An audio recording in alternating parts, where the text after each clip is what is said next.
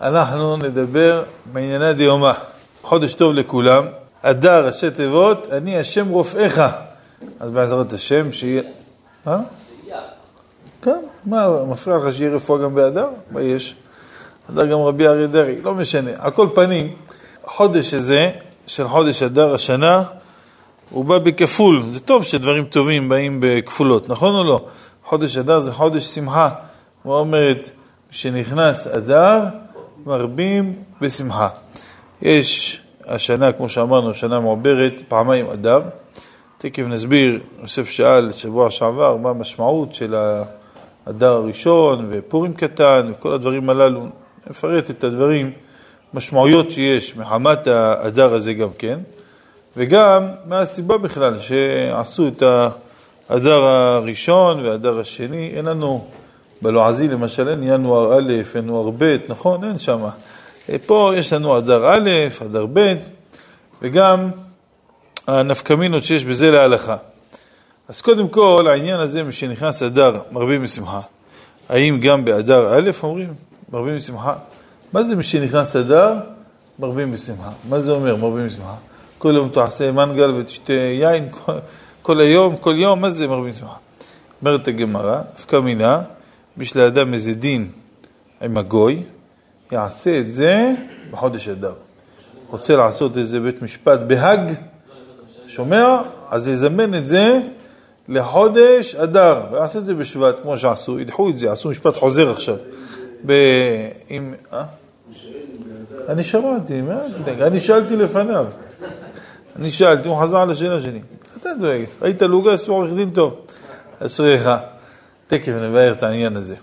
אז אם כן, משנכנס אדר אומרים בשמחה לעניין מה זה? לעניין, דבר ראשון, רוצים אה, להרחיב את התמרון הקרקעי בעזה, או להתחיל בלבנון גם כן, שם יש כמה שצריך להשמיד, להרוג ולאבד את כל אויבי היהודים, אז זה הזמן. חודש אדר, מזלם של עם ישראל גובר. לכן כנראה יצא מעוברת שני הדרים, אחד ללבנון, אחד לעזה, צריך, לא מספיק חודש אחד השנה. טוב, אבל האם זה נאמר גם לגבי אדר ראשון, או רק לגבי אדר שני? פשט הדברים, זה מדבר לגבי אדר שני. הרי כל ההלכות של חודש אדר, אנחנו יודעים, להלכה נפסק שזה באדר שני. בעיקר, הבולט שבהם זה הפורים, כל המצוות של פורים. אדר שני. למרות שהגמרא במגילה אומרת, אין בין אדר ראשון לאדר שני, אלא מקרא מגילה ומתנות לאביונים. ככה לשון. פשט הגמרא, מי שקורא הגמרא לבד, יכול לחשוב, אה, רק מקרא מגילה ומתנות לאביונים. יוצא שצריך לעשות סעודה, לעשות משלוח מנות, לעשות אה, מרבים בשמחה, או לפרשת זכור, לעשות... אה? גם באדר ראשון צריך לעשות, נכון? כן. ואם יש בר מצווה באדר, צריך לעשות בשני הדרים גם כן. מה, אמר, אין בין אדר ראשון לאדר שני. אם יש לו אזכרה בחודש אדר, עשה בשניהם. כמובן שזה לא מסתבר, לא, אבל הגמרא אומרת, אין בין אדר ראשון לאדר שני, אלא אה, מקרא מגילה מתנות לביונים. הר"ן, הוא עמד על השאלה הזאת. מה, מה כוונת הגמרא? אין בין אדר ראשון לאדר שני, אלא מקרא מגילה מתנות לביונים, שגם אדר ראשון נקרא אדר. רק שהדר השני הוא הקובע על עניין מקרא ומגילה ומתנות ליוונים. לא תעשה מקרא ומגילה באדר ראשון, תעשה אותו באדר שני. ואם אתה עושה, נו, אם אתה עושה מקרא מגילה באדר שני, גם מתנות לאביונים צריך להיות באדר שני. למה? למה זה חייב להיות ביחד, מקרא מגילה ומתנות לאביונים? תגמר עיניהם של עניים נשואות למקרא מגילה. מקרא מגילה פותח את הלב, אתה שומע את הנס, השתבח שמו. יבוא היום מישהו יבקש ככה צדקה, נותנים לו, בסדר, אבל לא בעין יפה כמו שנותנים בחג פורים, אחרי קריאת המגילה. לכן הזמן של מתנות ליוונים, מיד אחרי קריאת המגילה, לא קודם, לא לפני, כיוון שאז אדם לא נותן כל כך בעין יפה. אבל בפורים, מחמת השמחה, הלב רחב, ואז אדם נותן ככה בשפע, ביד רחבה. אז לכן אמרו את זה ביחד. אבל סעודת פורים משלוח מנות, לרוב זה הולך ביחד עם קריאת המגילה. יש לנו מקרה בודד שמשלוח מנות וסעודת פורים, הוא מתפצל מקריאת המגילה, מתנות יוונים. מתי? זה כאשר יש פורים משולש. פורים משולש זה לא אצלנו. פה, פורים זה פורים. בירושלים יש להם ימים, יש להם מקרים שיש להם פורים משולש. לא השנה, השנה יוצא פורים ראשון שני, אבל כאשר יוצא שישי שבת, זאת אומרת אנחנו עושים פורים ביום שישי, וט"ו באדר יוצא ביום שבת, הם לא יכולים לעשות בט"ו באדר קריאת מגילה. למה? כיוון שקריאת מגילה, גזרו החכמים שלא יקראו בשבת שמא יבוא לטלטל, כמו שלא נוטלים לולב בשבת, שלא תוקעים בשופר בשבת, כך לא קוראים את המגילה בשבת. אז כיוון שקריאת מגילה אי אפשר בשבת, צריכים להחליף יום. איזה יום יעשו? הקדימו את זה, לא, הקדימו את זה ליום שישי. למה לא דחו ליום ראשון? כתוב ולא יעבור. מה זה ולא יעבור? עד ט"ו ולא יותר. אי אפשר לעבור, זה כתוב במגילת אסתר. אז חייב להקדים, שבת אי אפשר, מקדימים ליום שישי. אז קריאת מגילה הם עושים כמונו ביום שישי. יום, ומתנות לאביונים גם. למה? כי אמרנו שזה חייב ללכת ביחד, כיוון שעיניים של אביונים נשואות למקרא מגילה. ומשלוח מנות, סעודת פורים, זה הם דוחים ליום ראשון, לט"ז באדר. מה נשאר להם באמצע ביום שבת? שני דברים. יש להם על הניסים שהם אומרים בתפילה, וגם כן קריאת התורה של פורים, ויבוא עמלק, כמו שקראנו בסוף פרשת בשלח, ויבוא עמלק, וילך עם ישראל ברפידים. הקטע הזה של סוף פרשת בשלח, אנחנו קוראים אותו בפורים. אז אנחנו, הפרזים קוראים ביום שישי, הם קוראים ביום שבת. אז יוצא, יש להם פורים, שישי, שבת וראשון, זה נקרא פורים משולש. אז זה מקרה יחיד, מקרה בודד בעולם, שמפצלים את משלוח מנות וסעודת פורים בקריאת מגילה מתנות יוונים. תמיד צריך ביחד. לכן אומר הר"ן, וככה בית יוסף גם מסביר, מה שאמרו הן בין מקרא מגילה, בין אדר ראשון לאדר שני, אלא קריאת מגילה מתנות יוונים, לא הכוונה צריך לעשות סעודה ומשלוח מנות באדר ראשון, לא, זה הולך ביחד, הכל באדר שני. בכל זאת, כותבים האחרונים, הרמה מביא בסוף סימן תרצ"ז, אומר שיש נוהגים, יש מחמירים לעשות סעודה גם כן באדר ראשון. ככה באמת כדאי, יש לנו עוד שבועיים זה, עוד שבועיים, כדאי שיעשו איזה סעודה, והרב כותב בחזון ודאי גם כן לעשות מסיבה עם שירים, וזה יוצא החתונה של אה, אור, נכון? בעזרת השם. עוד שבועיים, אז אתם עושים סעודה גדולה גם ככה, לכבוד החתונה, אז תוסיפו עוד איזה גלידה אחת לכבוד הפורים קטן. או למחרת ביום שישי, יעשה גם כן עוד איזה משהו. וגם פה בהיכל התרבות, בעזרת השם, עושים איזה ערב ככה עם זמרים ושירים, לכבוד הפורים, להודות להשם יתברך על הניסים והנפלאות. זה טוב, הרמ"א כותב בסוף, וטוב לב משתה תמיד. מה זה אומר? אפילו אם תגיד אין חיוב באמת לעשות סעודה, אבל זה טוב תמיד להיות בשמחה של מצווה, זה לכבוד השם יתברך, מה יקרה אם תודה לו פעמיים, גם באדר ראשון וגם באדר שני, למרות שהעיקר זה אדר השני. אז מזה יש מהאחרונים שלמדו גם כן. אמר, אם אתה אומר שיש מצווה לעשות שמחה, ככה הרב קניבסקי, ראיתי, שאלו אותו, והוא אמר, אם ראית שיש מצווה לעשות סעודה בפורים קטן, אז גם כן רואים שהחודש הזה שייך להגיד, משנכנס אדר, מרבים בשמחה. כי משנכנס אדר מרבים בשמחה, למה שמחה? סתם שמחה? שמחה בגלל הפורים. אז אם יש גם מצווה לעשות סעודה בפורים קטן, אז כל מי שנכנס אדר מרבים בשמחה.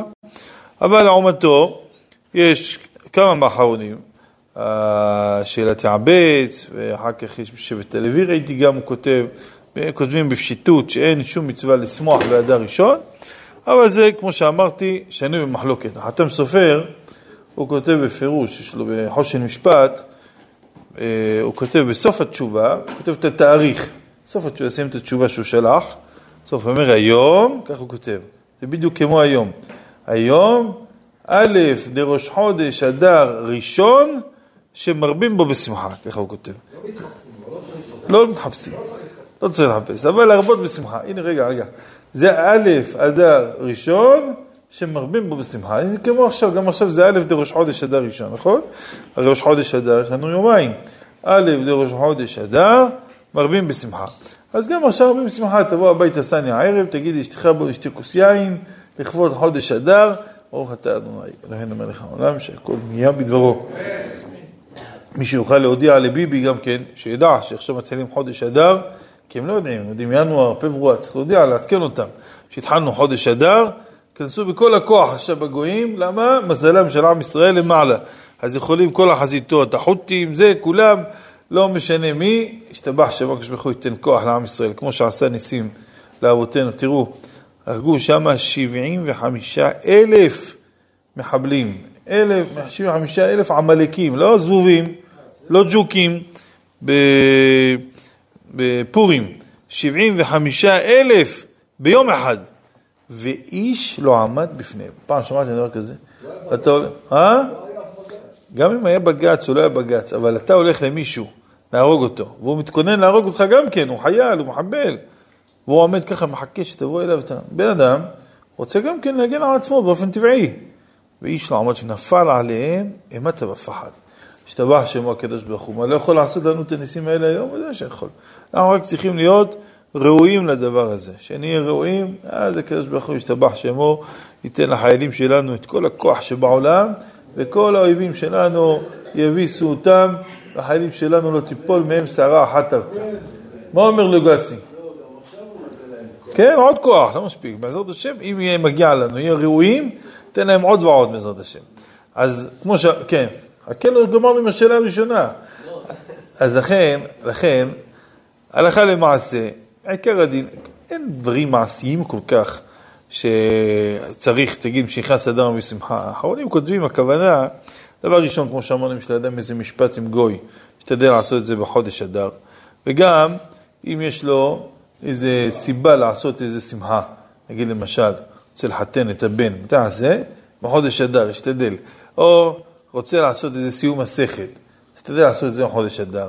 איזה שמחה להולדת הבת, איזה חנוכת הבית, כל מיני שמחות, אירועים שאנשים עושים, ישתדל. לא יחכה מי נכנס לבית בחודש תשרי, ידחה את זה לאדר. הכוונה, אם זה גם ככה סמוך, עושים מסכת בחודש אה, תמוז, יחכה לאדר, לא. הכוונה, אם זה גם ככה סמוך ונראה, אז טוב לתזמן את זה לחודש אדר, שירבו בו הרבה שמחות. אז זה המשמעות, שיש כאלה היו, עושים שלט. לא יודע אם אתה עושה את זה לוגסי, עושים שלט בכניסה לבית, כשנכנס אדר, אומרים בשמחה. ככה יזכרו כל החודש לחייך, בלי הפסקה. לשמוח בניסים של הקדוש ברוך הוא. אבל זה לא דברים כל כך שהם צריכים לעשות אותם באופן מעשי. לכן, אין נפקא מינה, אדם רוצה לשמוח, שישמח. כבר מראש חודש אדר, אם יש לו איזה משפט עם גוי, אם יכול לדחות את זה לאדר ב', עוד יותר טוב. אבל אם לא יכול לדחות את זה לאדר ב', לכל הפחות, אדר א' גם כן, יש בו גם כן קצת שמחה של מצווה. מה אומר אה, יהודה? שאלה, אתה אמרת שיש לעשות סעודה באדר א' או באדר ב'.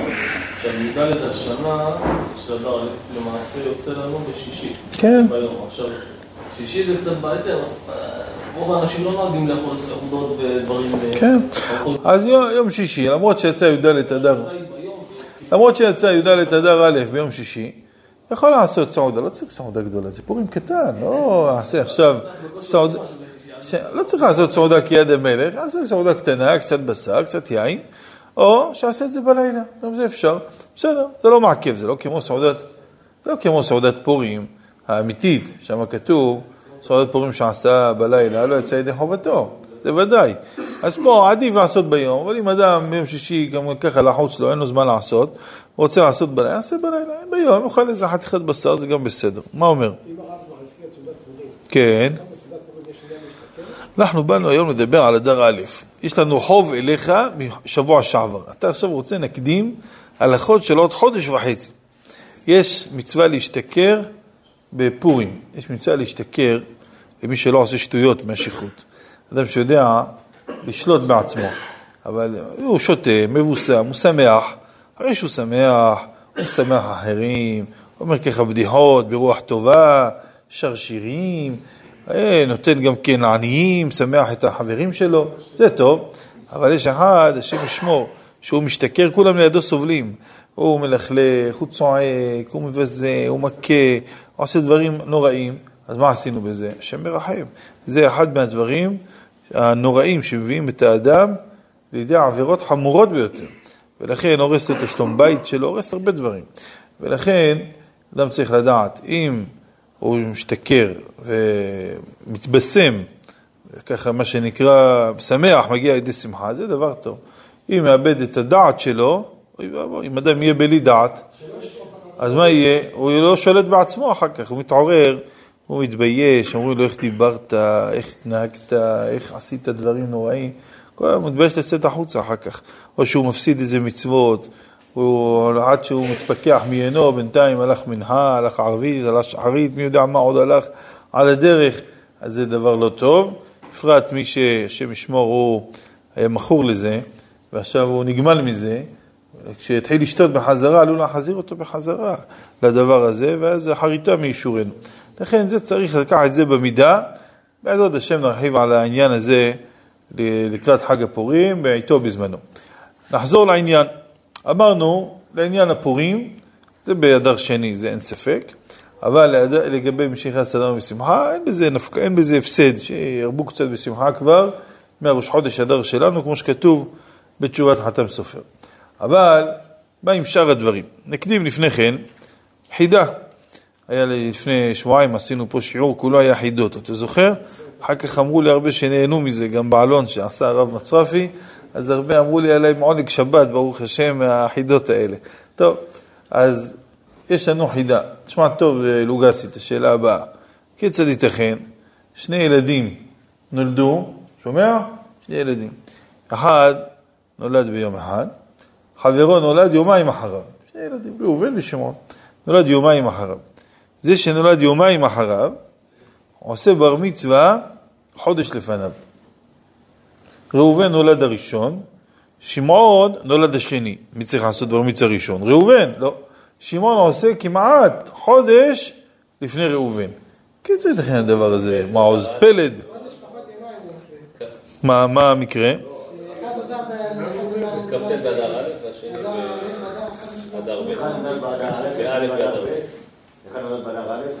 מתי אבל? נולד בשנה מעוברת, ברור. רק בשנה מעוברת שנה אדר א' אדר ב'.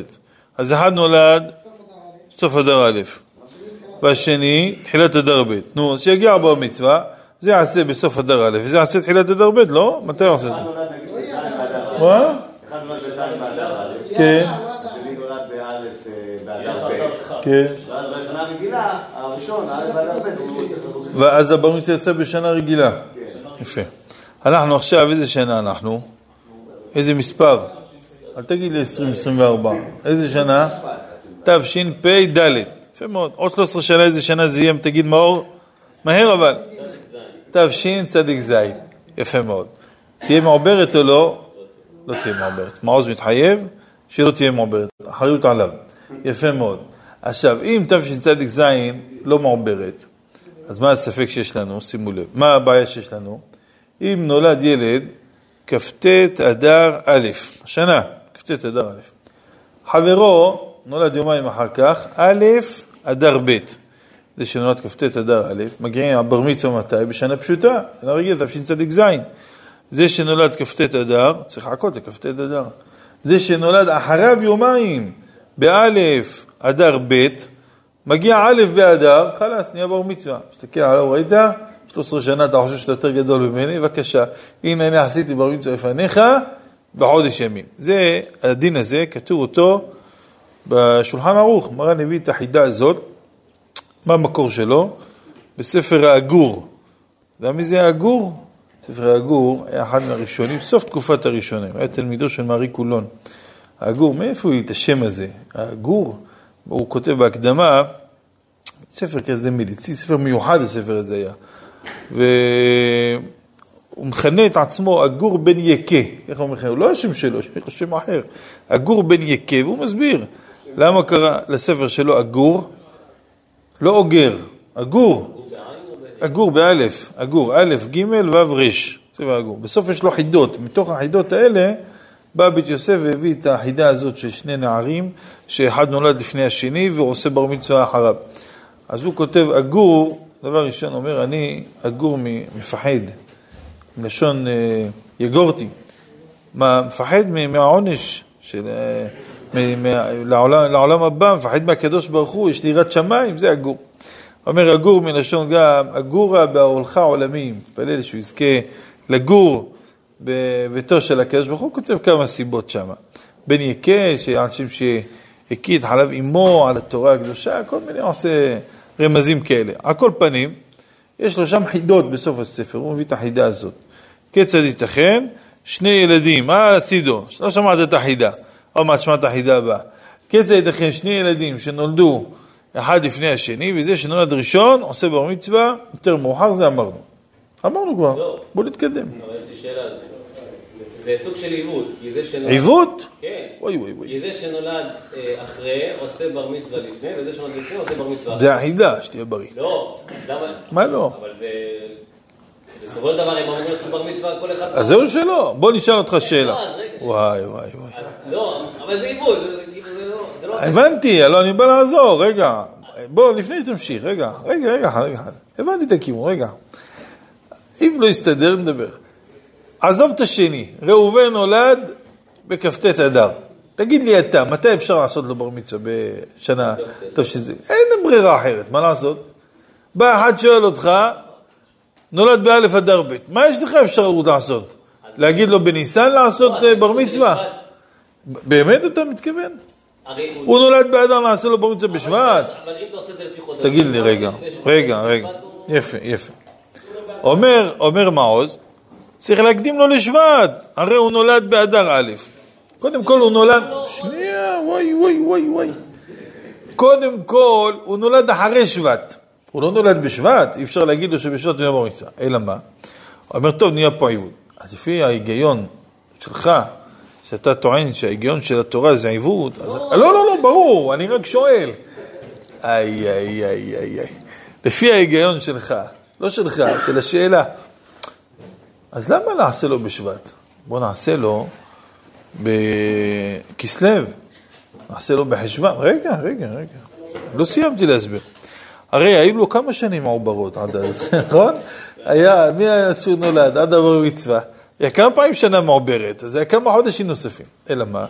זה שכותב מרן שולחן ערוך שם בסעיף ט', בסימן נ"ה, אומר, החודש של העיבור, הוא נכנס בתוך שנת הי"ג. אנחנו לא מוסיפים לו, לא מקדימים לו את ה... מרן בנה את זה בשני סעיפים, אני פשוט דילגתי על סעיף ט', ואז כביכול נוצרה השאלה. מרן בא ואומר, תשמע, החודש הי"ג של העיבור, לא מוסיפים לו אותו ומקדימים לו את הבר מצווה. בוא נגיד שהוא לא נולד ב... באדר, נולד בניסן. הגיעה שנה מעוברת, אומר, רגע, אדר ב', אם לא היה שנה מעוברת, זה היה צריך להיות ניסן עכשיו, אז אני כבר עכשיו אעשה בר מצווה. אז אומר, לא, אנחנו לא מונים לו בר מצווה, לחתן בר מצווה, לפי חודשים. מונים לו לפי שנים. יש דברים שמונים לפי חודשים, תכף נדבר אם נספיק. לעניין אזכרה, שם זה לפי 12 חודש. אבל פה מונים לפי שנים. ולכן, מה אכפת לי זה ש... הרי כל ה... זאת אומרת, הקונפליקט נוצר, זה בגלל שאתה אומר, תשמע, איך יכול להיות? יש פה אבסורד. הוא נולד לפני והוא נולד אחרי. נכון, אבל אם לא תתבונן על זה בצורה כזאת, נגיד שלא היה נולד ילד נוסף באדר ב', אז מה היית אומר? ברור שכ"ט זה כ"ט. אז הוא הגיע לשנת הי"ג, רק מה? צריך להסביר גם כן מאיפה נוצר, למה באמת. זה לא שאנחנו מוסיפים סתם אקסטרות של חודשים, יש סיבה לכל מה שאנחנו עושים, את התוספת הזאת של שנה מעוברת. צריך להבין, מה זה השנה המעוברת הזאת? אמרנו, בחודש שלו עזי, אין לנו ינואר א', ינואר ב', ופה יש לנו אדר א', אדר ב', וגם, למה דווקא אדר, אנחנו מוסיפים אותו פעמיים עושים למה אתה לא עושה תשרי ב', חשוון ב', דווקא אדר יש לו אדר ב'. אז הגמרא במסכת סנהדרין אומרת, על שלושה דברים אה, יש את הסיבה הזאת שמעברים את השנה. סיבה ראשונה, מפני על uh, האביב. כן, יפה, על האביב. וגם על פירות האילן. וגם על התיקופה. מה הכוונה? מה זה האביב? יש לנו פע... מחסור, יש לנו חיסרון כל שנה, לפי החשבון של ימות הלבנה מול ימות החמה. אנחנו, יש לנו 30 יום בחודש, נכון? אבל ה-30 יום בחודש זה לא 30 באמת, כי החודש של הלבנה, המחזור של הלבנה, זה כת יב תשצג, כת 29, יב 12, תשצג, כמה זה תשצג? 793, יפה מאוד. 793 חלקים, חלקי מה? חלקי השעה. השעה, מחלקים אותה לכמה? לא ל-60 דקות, 60 שניות, כמו שאנחנו מחלקים, 1,080 חלקים. 793 חלקי השעה מתוך 1,080. זאת אומרת, יש לנו 12, 29, 29 ימים, 12 שעות וכמעט כמעט 13 שעות, כן? קרוב שלושת רבעי מהשעה 13 בערך. עכשיו, כל זמן כזה, כתיאב, 29 ימים וחצי, הלבנה מסיימת את המחזור שלה. אז היה צריך לעשות כל 29 ימים וחצי ראש חודש, אבל אתה לא יכול לעשות ראש חודש באמצע היום, בשחרית תגיד אה, יעלה ויבוא, ובערבית לא תגיד, או במנחה תגיד, בשחרית לא תגיד. אז צריך לעשות יום שלם, לכן עשו את זה חכמים, יום יש בו ראש חודש, חודש אחד יש בו, סליחה, מלא, חודש אחד חסר, חודש אחד 29, חודש אחד 30, כי זה 29 וחצי, יש לך חודש מלא, חודש חסר. וככה יש לנו במשך כל השנה. אלא מה? שכמה יוצא ימים בשנה של הלבנה? אם אתה עושה 12 חודשים, 29 וחצי. 354. איך החשבון? יש לך 12. 12 חודשים כפול 30, 360, נכון? תוריד שישה ימים, כי חודש מלא, חודש חסר. אז רק שישה מלאים, רק שישה זה 30, שישה זה 29, 354. לעומת 365 ימות החמה, ככה אומרים בקטורת כל יום. זאת אומרת, העונות הן מסודרות לפי ימות החמה. אז בדיוק, אז אתה כל שנה צובר פער של 11 יום. אחרי שלוש שנים, מה? המוסלמים אין להם את התקנה שלנו, הם עשו, חיכו אותנו עד חצי הדרך. כן, אז אנחנו, יש לנו פער כל שנה של 11 יום. אחרי שלוש שנים זה כבר חודש פלוס. אחרי תשע, שנים זה כבר שלושה חודשים, לא, אחרי ש... תשע שנים, כל שלוש שנים חודש. אז תשע שנים, שלושה חודשים. שמונה עשרה שנה, שישה חודשים. יוצא חצי שנה, אחרי שמונה עשרה שנה. עכשיו, מה יוצא? שהסוכות יצא לך בעונה של הפסח, והפסח יצא לך בעונה של הסוכות. ומה התורה אומרת? התורה אומרת שמור את חודש האביב. מה זה אביב? אביב, פירוש המילה אביב, כמו שכתוב, הפשתה והשעורה נוקתה, כי השעורה אביב והפשתה גבעול. מה זה אביב? הכוונה שהיא בשלה. אביב, בחודש האביב באמת, בפסח, תסתכל, כל החיטה כבר חומה, ואפשר לקצור אותה, יבשה. כמובן, מבשילה יותר לקראת חג השבועות, אבל זה כבר הזמן שהיא בשלה. באה התורה ואומרת, תזכור, אתה צריך לשים לב, לשמור שהפסח יהיה באביב, שלא יהיה בזמן אחר. אם לא תעשה את השנה המעוברת, שהיא תשלים לך את הפער הזה, אז מה שיקרה לך, כמו שאמרנו, פסח יצא בעונה אחרת, ואתה לא יכול, כי התורה מזהירה אותך, שמור את חודש האביב. ועשית פסח לשם אלוהיך בחודש האביב. אז לכן מה אנחנו עושים? עושים את השנה המעוברת, זה טעם אחד. טעם שני אומרת הגמרא על פירות האילן, מה זה פירות האילן? חג השבועות, התורה אומרת בקרבכם, אה, שם כתוב, מנחה חדשה להשם שבועותיכם, שם התורה מצווה אותנו להביא ביקורים לבית המקדש. ביקורים, למה ביקורים? כי אז מתחילים הפירות להבקיר. החיטה, זה מתחיל הקציר בחג הפסח, אבל אחר כך חג הקציר עצמו זה בשבוע הוציא הקציר. וגם הפירות, התאנים, הענבים, הזיתים, הכל מתחיל להבקיר. עכשיו היה ט"ו בשבט, השקדיה התחילה לפרוח, חודש ניסן, אב בניסן כבר עושים ברכת האילנות, זה כבר שיא הפריחה, ואז חודשיים אחר כך, ניסן אייר ותחילת סיוון, זה כבר מתחילים הפירות הראשונים לצאת. ואז יש לך אפשרות להביא את הביקורים להשם. אבל אם אתה תשנה, אם אתה תתעלם מהפער שיש לך, פתאום השבועות יצא בקיץ, בחורף, וכל פעם יצא משהו אחר. וגם חג הסוכות התורה הקפידה עלינו, מה? חג הסוכות תעשה לך באוספך מגורנך ומקווך. מה זה באוספך מגורנך ומקווך? כשאתה כבר מסיים, כל המחסנים שלך מלאים בחג הסוכות, גם מחסנים של התבואה מלאים, מחסנים של הזיתים, מחסנים של הענבים, רימונים, התמרים, התאנים, הכל מה שאתה צריך למסוק ולגדור ולאסוף ולקטוף, הכל אה, יש לך כבר בחג הסוכות. ואז התורה מצווה אותך ושמחת בחגיך, והיית אך שמח, מחסנים שלך מלאים, תודה לקדוש ברוך הוא, ושמח, כן, בכל מה שנתן לך. לכן, אם לא תעשה את השנה המעוברת הזאת, שהיא כל שלוש שנים, אז היא מכסה לך את הפער הזה של השלושים יום שחסרים, אתה תצבור בעיה, ואז החגים יצאו ממקומות אחרים.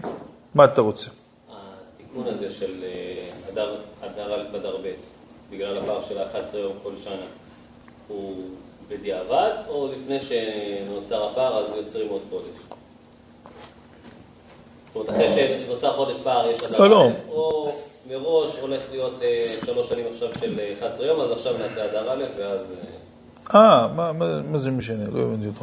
כי ניסן הוא באמת, אה, זאת אומרת, מתי החודש האמיתי יוצא בדיוק בתקופה? מה זה אמיתי, לא אמיתי? אמיתי זה הכל לפי מה שהחכמים קובעים, זה אמיתי. מה הוא רוצה זה, תגיד לי? אה, אחרי- שנוצר פער, מה הבעיה שלך? מה זה משנה? שים לב, אנחנו יוצאים מנקודת הנחה שהחכמים... לא, רגע, רגע. אתה צריך להבין, הטבע הוא משובד לחכמי התורה. זאת אומרת, אומרת הגמרא ברמה כזאת, שילדה בת שלוש בתוליה חוזרים ברגע שהחכמים עברו את השנה. מה זה אומר? ילדה עד גיל שלוש, אם נשרו בתוליה, חוזרים, מתחדשים בחזרה. זה כמו דמעות בעיניים, שאתה כל הזמן מתחדשים, ככה בתולים של ילדה עד גיל שלוש. אבל אחרי גיל שלוש, גמרנו, זה נאבד. אם נשרו, נאבדו. קיבלה איזה מכה או איזה דבר. אומרת הגמרא, אם נשרו בתוליה, אחרי גיל שלוש, פתאום חכמים עיברו את השנה, חוזרים בחזרה. אתה מאמין לזה מעוז? קשה לו להגיד. מי שמאמין לא מפחד, כדאי לך. הנה, הסידו מאמין, מעיד על עצמו שהוא מאמין. זאת אומרת, אומרת הגמרא, שיפורה גרים. מה זה שיפורה? כל השופר של החכמים, שמכריזים על החודש, הוא מה שגורם לטבע, אותו דבר. לאישה, לעניין וסתות, גם כן, יש לה וסת בו' בחודש. אז ו' בחודש, מה נקבע? לפי ההכרזה של חכמים, היו מקדשים את החודש. לא באו עדים, ראו את הזה, לא הספיקו להגיע, אז התעכבו, קידוש החודש התעכב, אז א' בחודש נדחה, אז גם הווסת שלה יידחה. הטבע משועבד לתורה. שמעת דבר כזה? אתה מאמין לזה, עשינו? יפה מאוד. יפה, מתחזק אותי, כל הכבוד. נו, חזק אותי. יש לך מסמר טוב? נו. השרצות שלהם ממתינות עד שיעבור החודש הזה וישריצו. זאת אומרת שהם היו צריכים להשריץ בדיוק בזמן. והם השתבח שם הקדוש ברוך הוא. לכן, אומרת הגמרא, אנחנו מכירים את השלוש סיבות האלה, זה גם כן, כשבא הלל נסיעה, רגע אחד, שהוא תיקן לנו את הלוח שנה, זה כבר קבוע. אנחנו יודעים היום מראש מתי יהיה עוד מאה שנה גם כשנה מעוברת. אבל בזמנם, היה עוד סיבות שהיו מעברים את השנה. לא סיבות האלה שאמרנו רק בשביל הפער. לפעמים יכול להיות שנה שעברה הייתה מעוברת, ושנה הבאה גם תהיה מעוברת. היא, למה? אין לך פער, מה הסיבה לעשות את זה? היה להם כל מיני שיקולים. מה השיקולים? אומרת, כן, אומרת הגמרא, מפני הדרכים והגשרים, פני תנורי פסחים, פני גלויות שנעקרו ולא הגיעו למקומן. מה הכוונה? היו באים, עולים לרגל. פסח הוא החג היחיד שהוא בא אחרי החורף. כי סוכות הוא בא אחרי הקיץ. שבועות הוא כבר באמצע האביב, אז זה לא, אין, לא, לא סביר שיהיה גשם ובעיה. מתי הדרכים משובשות כל הזמן? בחורף. תראה, גם עכשיו עם כל האספלט והכל, אתה נוסע בורות, תאר לך, זה היום. אה, אבל מה היה אז, שלא היה אספלט בכלל? עלו שמיים, ירדו תאומות, גשרים, הכל היה נשבר, עצים, בלאגן, לא היה כל היכולות שיש היום, ברוך השם. אז היו רוצים לעלות, מהארץ אפילו, רוצים לעלות לירושלים, אבל לא יכולים, למה? הכל שם בלאגן, כל הגשרים, כל הדרכים משובשות. אז היו מחכים שיתקנו את זה. אבל אם הגשם לא נעצר, פתאום הגשם מתעכב קצת, ולא הספיקו לתקן את כל הגשרים והדרכים עד אה, פסח, אז יודעים שאנשים מתל חנן לא הצליחו להגיע, ייתקעו ב... ביער בן שמן, ייתקעו בדרכים, מה לעשות? מאמצע כביש 6. אז מה היו עושים? פתאום מודיעים, דוחים את פסח, חודש הבא. חודש הבא זה לא ניסן, זה אדר ב'. אחר כך הוא יהיה הניסן. ככה לכם אין להם כוח בידם. או תנורי פסחים. מה זה תנורי פסחים? בירושלים היו שמים את כל הפסחים, צולים אותם כמות שהם שלמים. ראשו על קרעיו ועל קרבו. ככה התורה מצווה אותנו, לא תאכלו ממנו נע. ובשל מבושל במים כי אם צל יש. לוקח את כל הקורבן, כבש, משפד אותו במה? בשיפוד של רימון, איזה גזע, ענף של רימון, אותו מצד לצד, כמובן, אחרי שמפשיטים את הכבש, אחרי שמנקים אותו, לא ככה מלוכלך, מנקים אותו, מפשיטים אותו, מדיחים אותו, כל הבני מעיים, ראשו על קרעיו, כל ה... ועל קרבו, כל הבני מעיים מלוכלכים, צריך לשטוף אותו, להדיח אותו, צריך לנקר אותו, להוציא לו גידי נשר, להוציא לו החלב, להוציא כל הדברים, ואז לוקחים את כל הבני מעיים, קושרים אותו בפנים, וצולים אותו ככה כמות שהוא שלם, ואחר כך אוכלים אותו. ואז, איך היו צולים אותו? לא צולים אותו על המנגל, כי אז הצלי היה מתוך הברזל, הברזל היה צולה אותו, לא, אתה אומר צלי אש, רק שיהיה חשוף לאש. אז היו מעמידים אותו בתוך תנור, איפה היה התנור הזה? בחפירה. היית הולך בירושלים, מלא מלא פירים, לא של עזה, של המחבלים, פירים של התנורים, של התנורי פסחים. עכשיו, כל התנורים האלה, כמה שאתה תאטום אותם, אבל עדיין, ברגע שיש גשם חזק, מתמלאים בגשמים. אז אם הגשם נפסק חודש לפני פסח, נגיד, אז בסדר, יכולים אה, לשאוב את המים, אה, להתייבש, המים יתאדו, אבל אם אתה רואה שעוד מעט מתקרב הפסח, ואיפה דני רופ אומר לך שלפי התחזית, הגשמים עדיין אמורים להתעצם, והתנורים מלאים, ואין אפשרות. אם היה היום, לא היה בעיה. אם היה היום, יש משאבות, בתוך יום אחד אתה יכול לנקז את כל המים. היו יכולים לעשות גם לבנות אה, קומות, התנורים, צורה מסודרת, אז לא היה הדברים האלה. אז זה הכל ירושלים, איפה שאפשר לאכול את הקורבן פסח, מלא מלא תנורים. ואז אתה צריך לדאוג לכל עם ישראל, באים מיליונים שם, כל אחד עם הכבשים שלו. אז איפה תצלה את כולם? אתה צריך, ואם התנורים מלאים במים, אתה לא תוכל לעשות את החג כמו שצריך. גם זה יהיה שיקול לדחות. או גלויות שנעקרו במקומם, הכוונה, היו באים מחוץ לארץ אנשים, ובאמצע עיכבו אותם החות'ים, עיכבו אותם כל מיני האיראנים שלך, סני, מחשמם וזכרם, הרשעים האלה, עיכבו אותם, כל מיני עיכובים, כל מיני דברים בדרכים, ואחר כך לא מצליחים להגיע, מקבלים הודעות, הרצים יצאו לחופים, שולחים איזה שליחים, שגרים להם, שהם נתקעים בדרכים, לא מצליחים להגיע. שוב, גם היום לא היה בעיה הזאת, אה, מטוסים, זה, תוך כמה שעות יכולים להגיע מכל העולם. אבל בזמנם הייתה בעיה הזאת, ואז מה? גם זה היה סיבה. זה, התורה נתנה כוח לחכמים. החודש הזה, רגע, החודש הזה לכם, ראש חודשים. ראשון הוא לכם. אה, לחודשי השנה. התורה אומרת לחכמים, אתם אלה שמחליטים מתי יהיה החודש הזה, מתי יהיה החודש ניסן. לכן, אם היה איזו סיבה, שבעיני חכמים סיבה חשובה, זה כבר היה סיבה לדחות. אז לכן, זה מובן, למה חודש אדר הוא החודש שהוא הנוסף. למה לא תשרה אה, ב', תשרה א', תשרה ב', למה לא ניסן, אלא כיוון שחודש אדר הוא החודש האחרון. ואנחנו רוצים, כמו שאמרנו, אלה עם סיבות נוספות, בשביל להגיע לניסן בזמן, לכן חודש אדר הוא זה שנקבע להיות החודש הכפול. יש עוד הסבר, כותב רבי לוי יצחק מברדיצ'וב. שמעת עליו מעוז? לא מנשר, יצחק לוי מנשר, לוי יצחק מברדיצ'וב. אז הוא כותב, יש לו ספר, קדושת לוי. שם הוא כותב, הטור בסוף סימן תי"ז אומר ששנים עשר החודשים הם כנגד שנים עשר השבטים.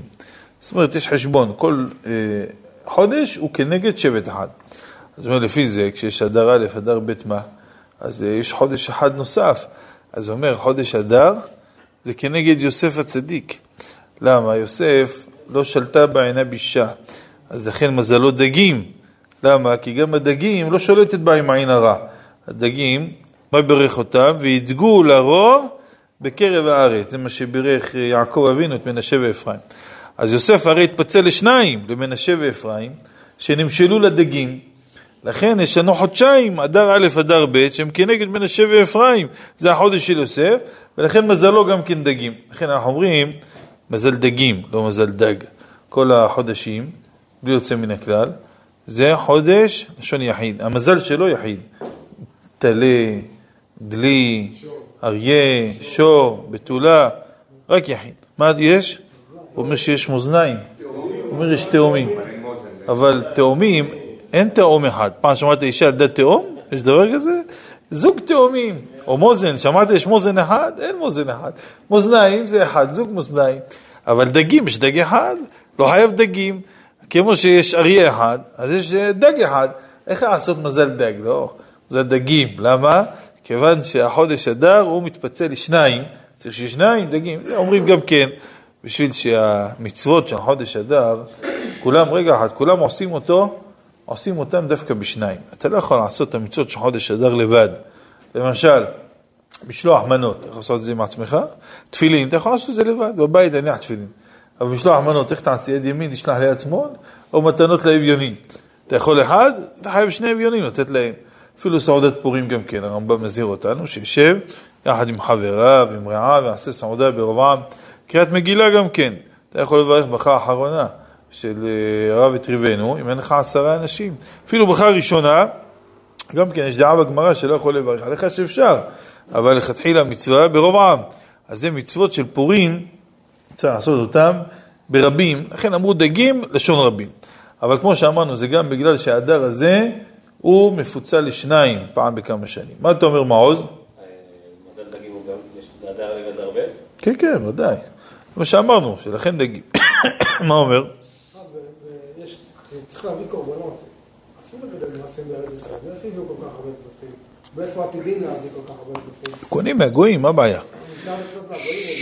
בטח. אין בעיה. יבוא המשיח, תשאל אותו את כל השאלות האלה. אתה כבר מתכונן? חזק אתה, יוסף, כל הכבוד. מה אומר מעוז? חוזר רגע לשאלה מקודם, ה- אמרת שהטבע משתנה לפי חכמים. מכין לי שאלות מהגוגל זה. מה אתה רוצה, תגיד לי?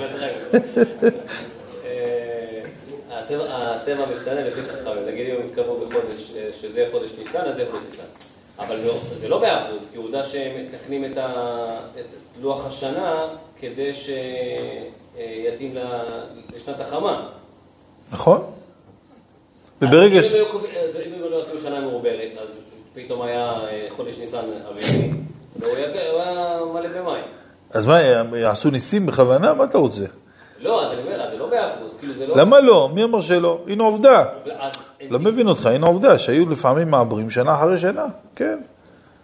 אבל היו חייבים לעבר, זה הכוונה שלי. זאת אומרת, הם לא יכולים... לא עושים ניסים לא, לא סתם, נכון? למה? כי לא עושים ניסים סתם, בן אדם מותר לו לסמוך על הנס, עשה, אני אתעלם מהעונות ויישאר העונות לפי הזה. והשמש פתאום תצטמצם לעבוד לפי הלבנה. יכולים לעשות, אבל למה בן אדם יעשה ניסים סתם, יטריח את הקדוש ברוך הוא, לשנות את כל מערכות הטבע, בשביל מה? פה, בשביל ההכרח, עושים, כן. טוב, מה אתה אומר, אסידו? יש לנו עוד חידה, בוא תשמע עוד חידה. עוד חידה. כיצד ייתכן, שימו לב טוב, תינוק, בוא תשמע משה יהודה שאלה, חידה, איך יכול להיות? ילד נולד באיזה יום מסוים, וכשמגיע הבר מצווה שלו, יש לנו ספק במשך 30 יום. הילד הזה בספק, מתי נעשה לו בר מצווה? 30 יום, ספק קטן, ספק גדול. איך יכול להיות מקרה כזה? זאת אומרת, לא תגיד לי נולד בין השמשות. אנחנו, או שלא זוכרים מתי נולד, לא נעלמה לו תעודת לידה, לא זה אנחנו מדברים. מדברים איתך שיודעים, יש עדים בדיוק, באיזה יום, באיזה שעה, הכל. מבחינה הלכתית, יש לנו ספק, 30 יום על הילד הזה. מגיע לרב, אומר, אתה עושה בר מצווה, הוא בודק, אה, ביום הזה נולד, אתה עכשיו ב-30 יום באוויר. מצד אחד, אתה חייב בכל המצוות מהספק. מצד שני, אתה לא תצטרף למניין. למה? ספק קטן, ספק גדול. מה אתה אומר, מעוז? א', אדר א', אז יעשה באלף אדר א', מה הבעיה? אבל, אה, בין ארבעה, זאת אומרת, בין א' אדר, אחרי מנחה של, אה, אחרי שקיעה של אה, א' אדר א'. נו, אז בין א' אדר א' לב' אדר א'. לא, אבל אולי הוא... מה הוא רוצה זה? אה? אה, לא. רגע, מה אומר הסידו? באיזה תאריך? תגיד, תאריך. לא עברו עכשיו, כמו עכשיו. יש לנו לוח, לוח, לא פעם. בין השלושות של א' אדר רגיל. אדר רגיל. 30 יום על בין השמשות. רגיל. וואי, וואי, וואי. למד למד לא בין השמשות, עשר בבוקר, לא בין השמשות. בין השמשות, הוא ייתן לך ספק של יום אחד. מה יש בל"ד שבט? לא אם בשנה מעוברת, אם זה אדר א', אז אתה לא יודע אם בחודש הזה הוא... ל' שבט איזה? ששנה רגילה או מעוברת? נולד בשנה רגילה. נולד ל' שבט שנה רגילה, יפה מאוד. ואז מה? ואז הגיע בן השמונה. בר מצווה, איזה בין השמשות עכשיו? אין בין השמשות, בעשר בבוקר. מה קשור בין השמשות? הבר מצווה שלו אחרי זה מה? ואז מה, מה הבעיה? מה הספק? ל' שבט, ל' שבט, מה הסיפור? נולד בל' שבט, אז אמרו זה ל' שבט, מה הסיפור?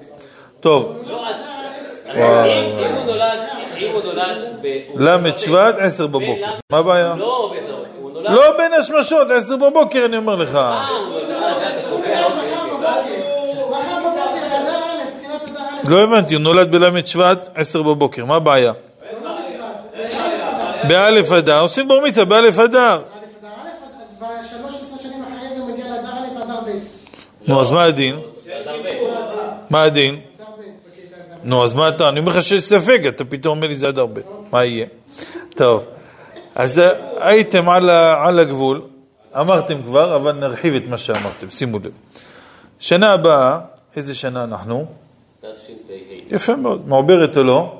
פשוט איך הוא יודע, שנה קדימה, כל הכבוד. שנה הבאה לא מעוברת, מצוין. מי, ש... מי שנולד שנה הבאה, חכה, נטפל עוד מעט. מי שנולד שנה הבאה בתשפ"ה, אז הוא, באיזה שנה יהיה לו בר מצווה? מעוז? צדיק ח'. תהיה מעוברת או לא? מעוברת. היית? התקלתי אותו, יפה מאוד. אז הצלחתי. תשצ"ח, מעוברת. עכשיו הוא נולד בשנה לא מעוברת. בר מצווה שלו בשנה מעוברת. נולד בל' שבט. כמו שאמרתם, שנה הבאה, שנה רגילה, ל' שבט. עשר בבוקר. שנה אחרי, אה, 13 שנה אחרי זה יוצא מעוברת, ל' שבט הגיע.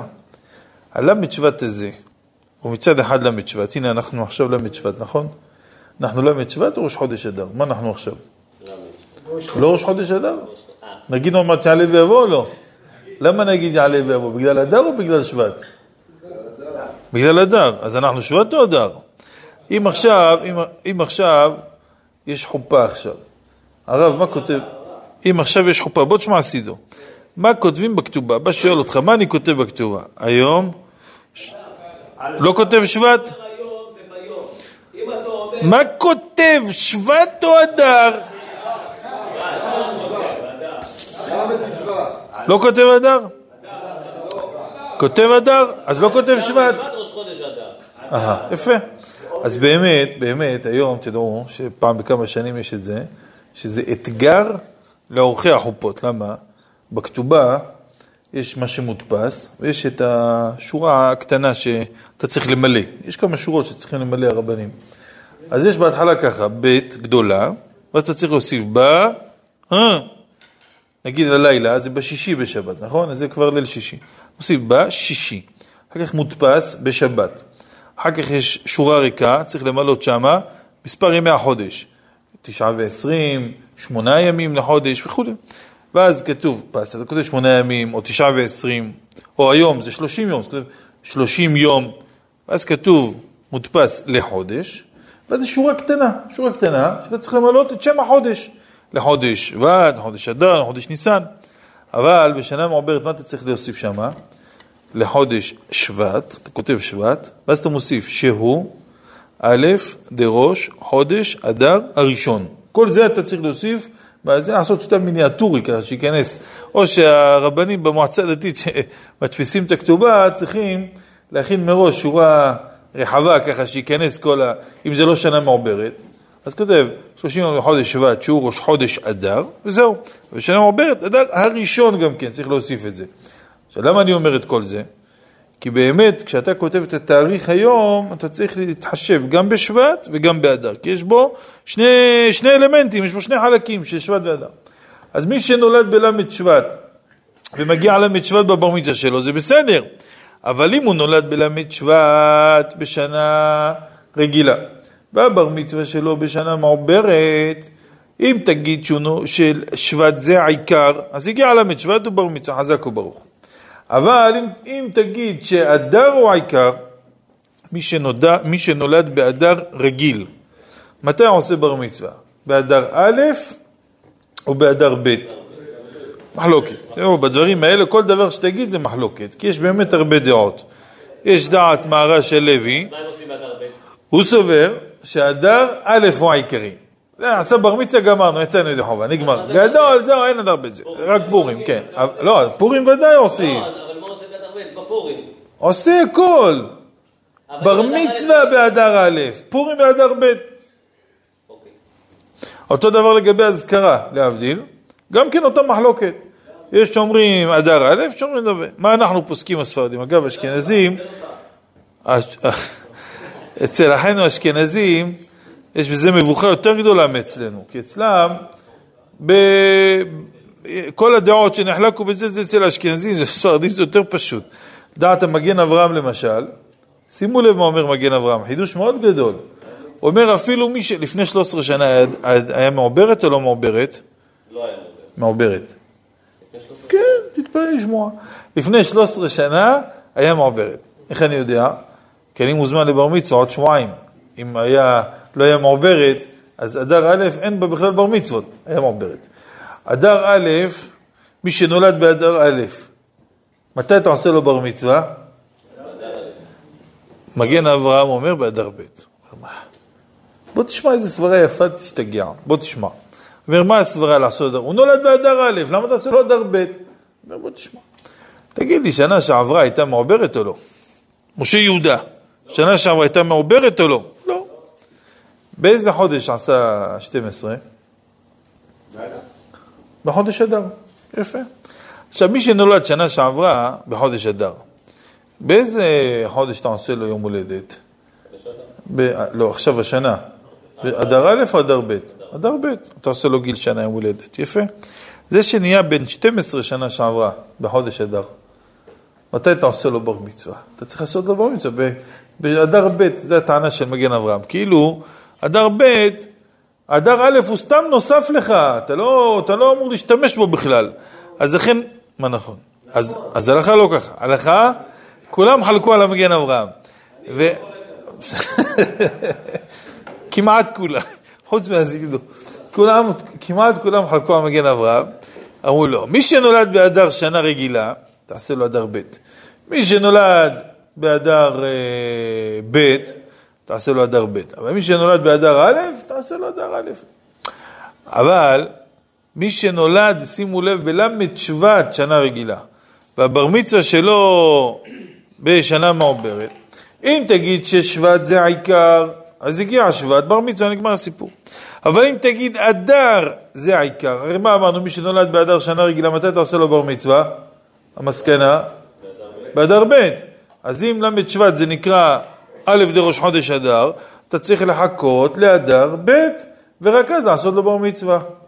ראש חודש, אדר ב', לא לראש חודש, אדר א'. כי שבט, ל' שבט הוא חצי, ל' שבט חצי ראש חודש אדר. שבט, מה? אז אל תגיד יעלה ויבוא, ואל תגיד אה, הלל, ואל תעשה סעודה. לא, אבל אומרים האלה ובא בגלל משהו אחר, כי אה, הוא ראש חודש אדר או לא? הוא ראש חודש אדר בגלל תקנת חכמים, מה זה משנה בגלל מה? אולי ל' שבט בגלל תקנת חכמים, מה אתה רוצה? מה כבודו אומר? רגע אחד, כן. בשנה רגילה, מתי עושים לו את האזכרה? מי שנפטר באלף אדר שנה רגילה, עושים לו באדר ב'. לנו הספרדים, כמו שאמרתי, יותר פשוט. אשכנזים מאוד מבוכה. מה? ב- ב- לגבי אזכרה למשל, הם עושים פעמיים. גם באדר א', גם אדר ב', אשכנזים. יש כאלה שמחמירים לעשות פעמיים, יש כאלה שלא, יש כאלה שנוהגים, ספרדים, הכל אדר ב'. אדר א' הוא משמעותי רק למי שנפטר, או להבדיל למי שנולד באדר א'.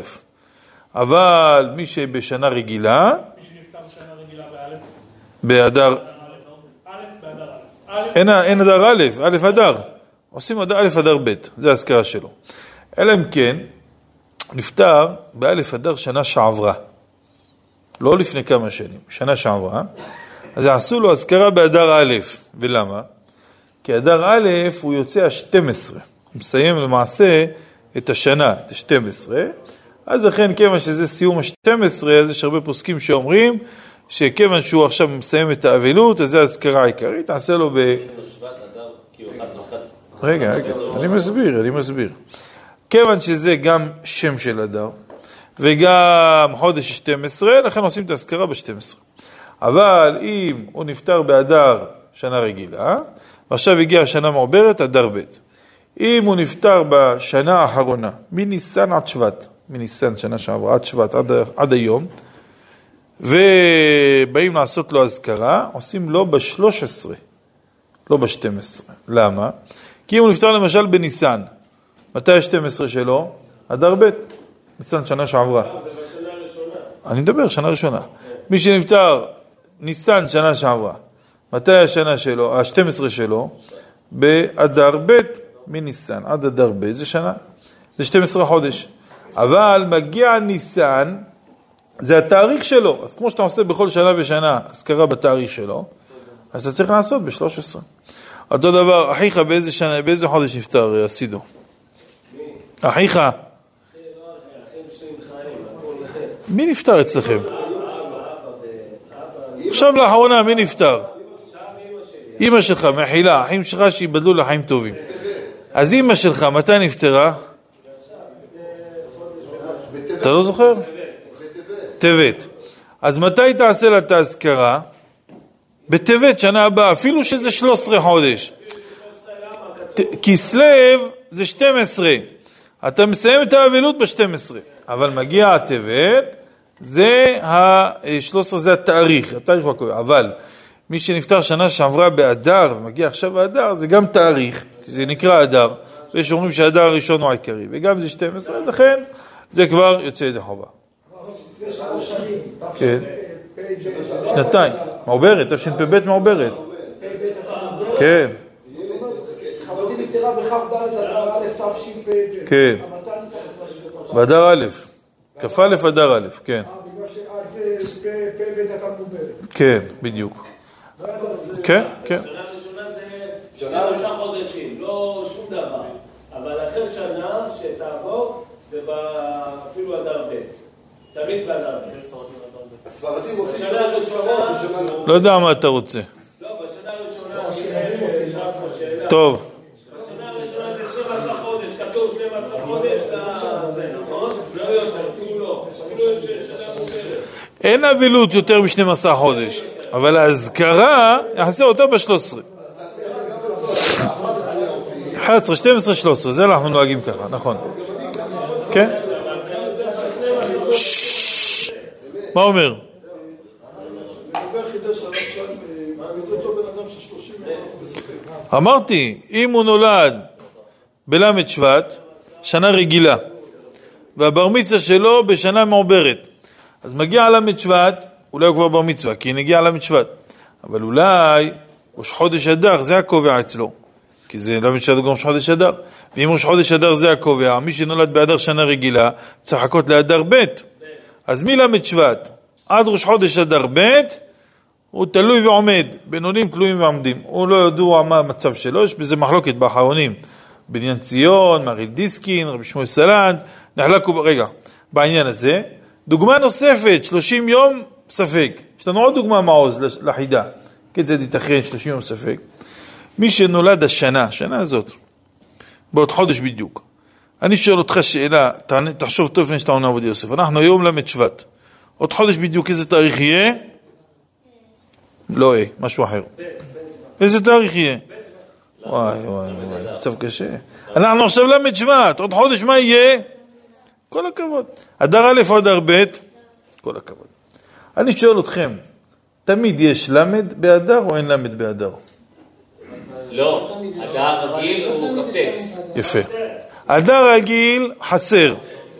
אדר מלא, אדר, אה, זאת אומרת, אדר א', מלא. מצוין. עכשיו הוא נולד בלמד אדר א'. אז שנה הבאה איפה אתה יעשה? עכשיו, כשהוא יגיע לבר מצווה עוד 13 שנה, היא מעוברת או לא מעוז? לא מעובר. לא מעוברת. זה שייוולד עוד חודש בדיוק, בלמד אדר א'. אין לו בר מצווה. אין לו בר מצווה. יש אחד. יש אחד אשתו נולדה בלמד, יש כסלו טבת לפעמים, חסר לפעמים מלא. יש אחד אשתו נולדה בלמד של אחד החודשים האלה, אז הוא שנה עושה לה יום הולדת, שנה אומר לה, אין לך למד, מה לעשות? טוב, אז מה יעשה אחד שיש לו בר מצווה כזאת? בלמד, ב- הוא נולד בלמד, שימו לב, למד אדר א', מצד אחד זה, זה ראש חודש אדר ב', נכון? אם זה, אם זה צד ראש חודש אדר ב', אז מצוין, מגיע הבר מצווה שלו, ראש חודש אדר, הוא נולד ראש חודש אדר, ראש חודש אדר בר מצווה. אבל סליחה, אולי למד אדר, הוא צריך לחכות ללמד. עכשיו, אין לו לאן לחכות, כי אין לו למד. אז הוא יחכה לאלף אה, ניסן, מה זה יחכה? זאת אומרת, שיעבור הכ"ט. הוא נולד אחרי כ"ט, אין לו למד, אבל יש לו אחרי כ"ט. אז הוא יצטרך לחכות לאלף ניסן. אז מי ראש חודש אדר א', עד ראש חודש, לא א', מראש חודש אדר, כשיגיע בריצה יהיה שנה רגילה, מראש חודש אדר עד ראש חודש ניסן, הילד הזה נמצא באוויר, לא ברור המצב שלו, יש בזה ספק באחרונים, אם הוא נקרא בר מצווה או לא, לכן מה עושים? בסדר, למה לא? על זה נאמר וטוב לא משתה תמיד, זה בסדר לעשות שתי בר מצוות. רגע, רגע, אבל השאלה היא כזאת, האם הוא מצטרף למניין ב- בראש חודש אדר? הוא עכשיו נולד ל' אדר א', עוד 13 שנה יהיה שנה פשוטה. מגיע ראש חודש אדר, יעשה בר מצווה או לא יעשה מצווה? צרף אותו למניין. ל' שבט כאילו הגיע? כן, ל' שבט, ראש חודש אדר. ל' שבט, עד א' אדר, מה שאתה רוצה. מה אתה רוצה? הגיע א' אדר, בסדר? אבל אמרנו שלא הולכים לפי חודשים. מתי הוא נולד הילד? בל' באדר. מצוין. מתי הבר מצווה שלו? יהיה באלף בניסן. בסדר גמור. אתה הכרעת כמו הצד הזה. אני, תרשה לי להציע לך צד אחר. הוא נולד בראש חודש אדר, נכון? אתה מסכים? יפה. חודש ניסן. ל' אדר א', כן, כן, כן. הוא נולד בראש חודש אדר? כן. יפה מאוד. הגיע ראש חודש אדר, הוא רוצה לעשות בר מצווה, למה אתה מונע בעדו? אז יש לנו ספק, שוב, זה הספק, לכן מן הספק, מה אנחנו נעשה? רגע, רגע, מן הספק, אנחנו נחמיר בברכות, נחמיר בדאורייתא, נקל בדרבנן. מה הכוונה? זאת אומרת, רגע, רגע, רגע, רגע, רגע. אם לא מספיק שתי שערות, צריך גם מגעיל. שני תנאים צריך. אם ילד בן עשר הביא שתי שערות. זה לא מועיל, חייב גם גיל וגם זה. אז מה נעשה? אז דברים דה רבנן, נגיד למשל, הסידו אומר ערבית. רוצים לצרף אותו למניין לערבית? יאללה, בדיל ויעבור. אין לך עשירי אחר? אין בעיה. זימון גם קטן מצטרף. גם קטן מצטרף, אבל לצרף אותו לחרית גם אפשר, אבל אל תעשה חזרה. למה? ספק ברכות, להקל. ספק בדרבנן, בעשרה, מה שצריך עשרה למניין, זה מדרבנן. אז ספק דרבנן לכולה. אבל דברים שצריך מניין מהתורה, בברכות, חשש ברכה לבטלה, ספק ברכות להקל. ככה הרב כותב, דומה לזה, לגבי, בחוות דעת, לגבי חרשים אילמים בימינו, שהם יש להם בתי ספר מיוחדים לאנשים האלה, אתה רואה אותם אחר כך פיקחים לכל דבריהם. דבר איתו, הוא מבין גם כן, הוא קורא את השפתיים שלך, ואתה רואה אותו מתכתב עם חברים שלו בטלפון, והוא מנהל משא ומתן, והכל חכמים לכל דבר. מצד שני, חכמים אמרו, חרש הוא כמו שוטה. שאלה אולי זה בזמנם, שלא היה בתי ספר מיוחדים לחרשים כמו ימינו. אז יש בזה מחלוקת באחרונים. כתב סופר, בנו של חתם סופר, הביאו אותו לאנגליה, מקום שהיה שם בית ספר מיוחד לחרשים, והוא השתגע, ראה את זה, התרשם מאוד מאוד לטובה. איך שהילדים כולם מבינים, חונכים. הוא בעצמו אמר יש ספק בדבר, לכן תקנה להם תפילין, שהניחו תפילין. מצד שני, לא תצרף אותו למניין. אם היה, אה, ודאי היינו יכולים לפסוק שהוא בריא, וזאת אומרת, הוא מבין והוא חייב בכל המצוות, היינו מצרפים אותו למניין, אפילו שהוא לא יכול לענות. איך יענה? הרי זה מדברים חרש אילם, איך יענה? אבל, למשל, אדם שהוא לא עונה לאונסו, כגון מישהו מעריך בתפילה. יש לך עשרה, ואחד מעריך בתפילה. אתה יכול להתחיל אה, קדיש, קדושה, יכול להתחיל, אפילו שהוא מעריך. יתרה מזאת, אומר רבי יוסף, אפילו אם הוא ישן, מי בשם ארי אבואב, אפילו ישן, אתה מצרף אותו למניין. למה? סך הכל, יש פה עשרה אנשים חייבים במצוות. כל בעשרה שכין תשרי, אבל קטן, אפילו שהוא יענה, אבל בגלל שהוא לא חייב במצוות, לא באה שכינה ושורה. אותו דבר, החירש הזה, כיוון שהוא לא אה, מבין, ואולי הוא לא חייב במצוות, השכינה בכלל לא באה. בגלל שיש לנו ספק, קדיש, קדושה, שזה צריך אה, מדרבנן עשרה, כי מה שאמרו נקדשים תוך בני ישראל, כמו עושה גזירה שווה שצריך עשרה, זה אסמכתא בעלמא. אז לכן, אתה יכול לסמוך על זה. אבל בדאורייתא לעשות חזרה, זה לא תעשה. אותו דבר במקרים שהזכרנו, אין לנו ספק עליהם, אז ספק דרבנן להקל, אבל בדברים שהם ברכות, נימנע. לסיום, נגיד פסוק אחד מפרשת השבוע. השבת, אנחנו מתחילים פרשת משפטים, כל הדינים אחרי מתן תורה, בא הקדוש ברוך הוא מצווה את עם ישראל על כל המשפטים, בין אדם לחברו, כי תקנה עבד עברי וכולי. אז שם כתוב, אה, ואלה המשפטים. מה זה ואלה? בא להוסיף, לחבר את המשפטים האלה למתן תורה. יש כאלה אומרים לך, אני שאומר עשרת הדיברות, מספיק לי. זה מה שהקדוש ברוך הוא נתן למשה, חס ושלום. כל השאר, זה כאילו, חס ושלום, משה הוסיף מדעתו. זה אדם כזה אפיקורוס. הגמרא אומרת, מי זה אפיקורוס? הוא אומר, כל התורה ניתנה מן השמיים, חוץ מדבר אחד. גמרנו, בן אדם הזה אפיקורוס. או אפילו לא מאמין בגזירה שווה, הוא לא מאמין באיזה דרשה של חכמים שפירשו בתורה, זה תורה שבעל פה, לא מאמין בה, בן אדם הזה אין לו חלק לעולם הבא עד כדי כך. זה נקרא אפיקורוס. כולם מכירים, כל ישראל יש להם חלק לעולם הבא, אבל יש המשך, ואלו שאין להם חלק לעולם הבא, זאת אומרת יש לכל כלל יוצא מן הכלל, ויש כאלה שאין חלק לעולם הבא, לכן צריך להיזהר. נכון, כל עם ישראל יש חלק לעולם הבא, אבל לזכור, ואלה המשפטים, ואלה מוסיף על הראשונים. מה אלה מסיני? גם אלו מסיני. יש בפרשה שלנו, שם יש מצווה אה, שן תחת שן, עין תחת עין, יד תחת יד, רגל תחת רגל. פעם היה ראש ממשלה הראשון של מדינת ישראל, איך קראו לו? בן גוריון. הוא אמר, הרי הגמרא דורשת, מה זה עין תחת עין? לא בן אדם מוריד לך עין, תוריד לו עין בחזרה. אלא, תשלם לו מחיר של עין. איך קובעים מחיר של עין? תגמר הולכים לשוק העבדים. רואים כמה הבן אדם הזה שווה עם שתי עיניים, כמה שווה עם עין אחת. את הפער הוא צריך לשלם לו, זה מה שהוא לו. זה אומרת הגמרא, ולא ממש תוריד לו עין כמו פשט הפסוק. בא בן גוריון ופרסם איזה מאמר, אמר, תראה, מה שאמרו חכמים, זה פשוט, בהתחלה הם היו פרימיטיביים במדבר, אז זה מה שדיברו איתם, עין תחת עין, אומרים לך עין תוריד לו עין. אחר כך נהיו אינטליגנטים, השתדרגו, התחילו לפרש את התורה ככה בצורה מודרנית, בצורה מערבית, לא מתאים, אתה, זה בום בום, זה ככה מתנהגים. ככה דיבר בן גוריון. מה בעצם הוא רצה להגיד? שכאילו חס ושלום התורה זה כמו מכשיר פלאפון, צריך לעדכן לו את הגרסה מדי פעם, ככה כל אה, דור ראשון, דור שני, כל דור דור ודורשיו, כאילו חס ושלום אפשר לשלוח יד בתורה, לעשות כל מיני רפורמות, כל מיני דברים, השם ישמור. אבל היה אז בזמנו רב צדיק אחד, קראו לו רבי אהרון שוויקה, הוא פרסם מאמר במעריב, אז היה מעריב בחוכמה, היום זה מעריב ערבים שלא בחוכמה, אז היה כל מיני גם אנשים אה, יראי שמיים, כנראה היו כותבים שם. יש ספר, מנחת אהרון, של, על שם הרב הזה, שהביאו את הסיפור הזה. הוא בא, כתב מחאה על בן גוריון, אמר, איך הוא כותב דבר כזה ואבוי? להגיד שהוא לא מאמין שזה הפירוש של התורה, ולהגיד חס ושלום שהחיים המציאו, בדו פירוש מליבם. וכתב ככה נגדו בתקיפות, הוא אומר, לא ייתכן, הרי בוא נתבונן רגע.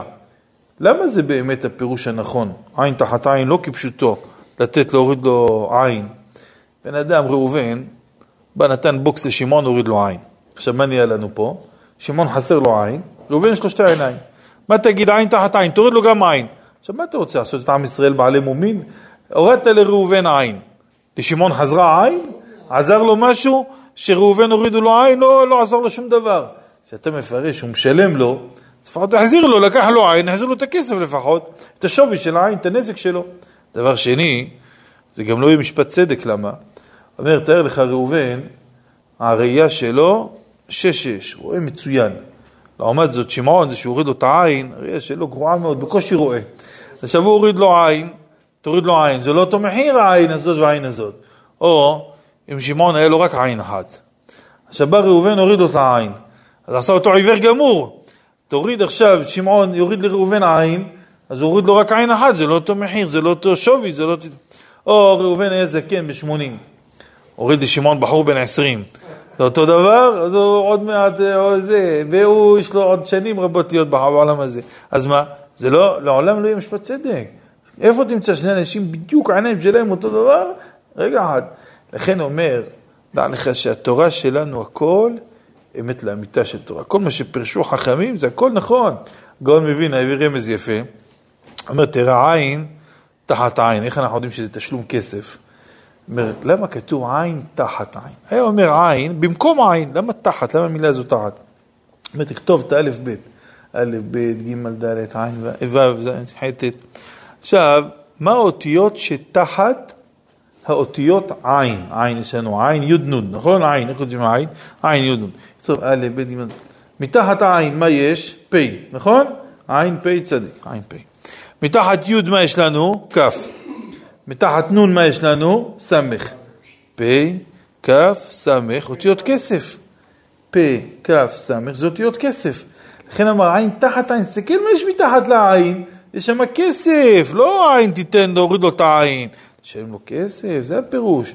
זה אחר כך העורך של מעריב, לא מצא חן בעיניו, שזה הרב נותן מוסר לראש הממשלה ויורד עליו. אז בא להגן עליו, איך אתה מדבר? בן גוריון הקים את המדינה, יש לו זכויות רבות. אז כתב לו בחזרה, אמר לו, אם אתה חושב שאתה אוהב את בן גוריון, אני אוהב אותו עוד יותר, אבל אני חס עליו, חבל שיאבד את כל הזכויות שלו בגלל שהוא מגלה פנים בתורה שלא כהלכה, בא, הוא כופר בדברי חכמים, במה שכתוב בתורה, בפירוש של חכמים, אני רוצה שיהיה לו עולם הבא, ככה הוא כתב. לכן צריכים לדעת, כל התורה שלנו עם הפירושים, על זה נאמר, משה קיבל תורה מסיני ומסרה ליהושע. מה מסר לו? תורה בלי פירושים? מה אני צריך שמשה ייקח וימסור? שים את זה בארון, כל מי שירצה ייקח. מה זה המסירה הזאת? זה להבדיל כמו בכדורגל, ראובן מוסר לשמעון, לשמעון ללוי, זה המסירה, מה זה ראובן מסר? מה זה משה מסרה ליהושע? זה תורה שבעל פה, זה שלא היה כתוב, התורה שבכתב לא צריך למסור אותה. מונחת בארון, כולם יבואו ויקראו אותה. תורה זה שבעל פה, הפירוש של התורה הקדושה, זה מסר, וזה אנחנו מאמינים באמונה שלמה. מה אומר מעוז? למה כשיש אה, מישהו שהורג בשוגג מישהו אחר, אז יש גואל אדם. אז למה, זאת אומרת, מה זה, מה זה יעזור לאותו אחד שנהרג לו מישהו? זאת אומרת, לזה שמת זה כבר לא יעזור ש... התורה אומרת משהו אחר, וביערת רע מקרבך. לא רק בשוגג, גם במזיד תשאל, אם במזיד הרג אותו, אוקיי, אז מה יעזור שאנחנו הורגים אותו? נכון. זה משהו אחר. שופך דם האדם, באדם דמו יישפך. כביכול, הדם של אותו אדם שנרצח, הוא עומד ומקטרג ולא נח עד שימות אותו אדם. אז זה נאמר, בהרתע רע מקרבך. אבל פה לא שייך בהרתע רע מקרבך. למה העין שלי הוריד את העין שלו? מה העין שלי עשתה לו? טוב, ברוך ה' לעולם, אמן ואמן. בבקשה, מרצה הקדוש ברוך הוא זה כל ישראל יפיקח. ולהם תורם זאת שנאמר, מחפש ממש תורה וידיר.